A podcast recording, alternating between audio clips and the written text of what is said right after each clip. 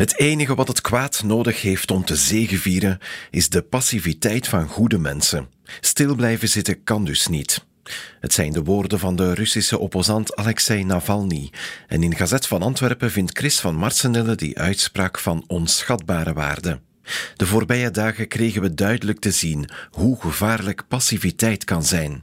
Poetin profiteert van de barsten in de eensgezindheid van het Westen, van de aarzeling om de Oekraïners verder te steunen en hij toont onbeschaamd wat hij met tegenstanders in eigen land doet. Deze oorlog is vreed en hij kost ons handenvol geld. Maar passief blijven bij deze brutaliteit mag geen optie zijn. In de morgen pleit Maarten Rabai ervoor om het Poetin-regime te delegitimeren. Te lang hebben we het diplomatieke protocol gerespecteerd. Dat zegt dat we ons niet mogen mengen in binnenlandse aangelegenheden.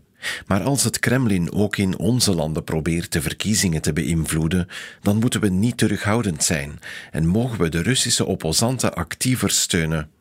Dat kan door via cyberhacking de juiste informatie te verspreiden in Rusland over de corruptie, de repressie en de Oekraïnse killing fields.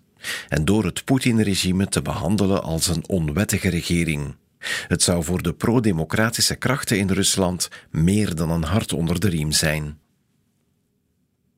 Maar vier dagen per week gaan werken in plaats van vijf en toch evenveel verdienen. Het voorstel van de PS lijkt te mooi om waar te zijn. Dat schrijft Farid El Mabrouk in het nieuwsblad. Want wie gaat dat betalen? En waar gaan bedrijven mensen vinden om het niet geleverde werk uit te voeren? In Vlaanderen zou het PS-plan onwerkbaar zijn. Bedrijven krijgen hun vacatures maar niet ingevuld. In Wallonië zou het wel lukken. Er is geen staatshervorming nodig om het te proberen. Nu al mogen Vlaanderen en Wallonië een ander beleid voeren op het vlak van werkgelegenheid. Zelfde onderwerp bij Dominique Klaas in het Belang van Limburg. Met een hele rij ballonnetjes heeft Paul Magnet de verkiezingscampagne in gang gestampt.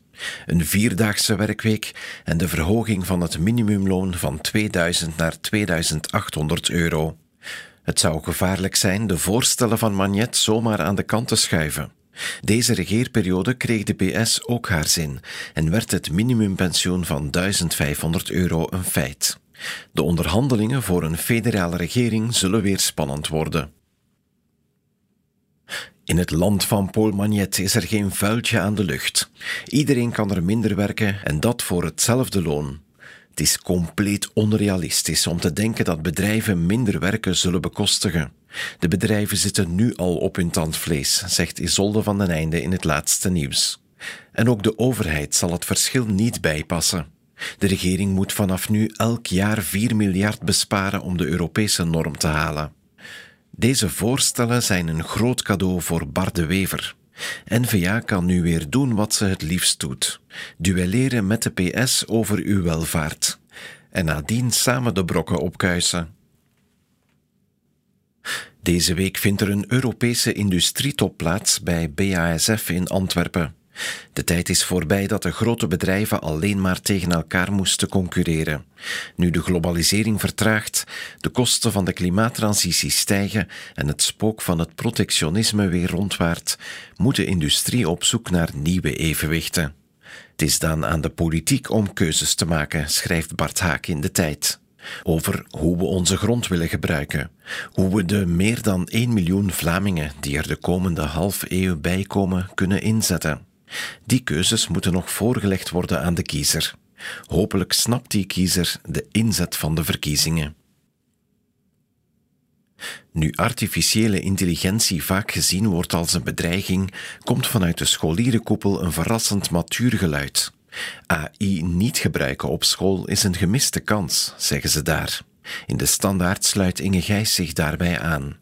Artificiële intelligentie is een geweldig instrument voor gedifferentieerd onderwijs op maat van de individuele leerling, om zo de kloof tussen kansarm en kansrijk te verkleinen. Leerkrachten en directeuren moeten zich ook hier weer in verdiepen, zodat ze deze nieuwe technologie niet als een bedreiging zien, maar als een instrument met ongekende mogelijkheden. En zo kreeg u alle krantencommentaren van maandag 19 februari.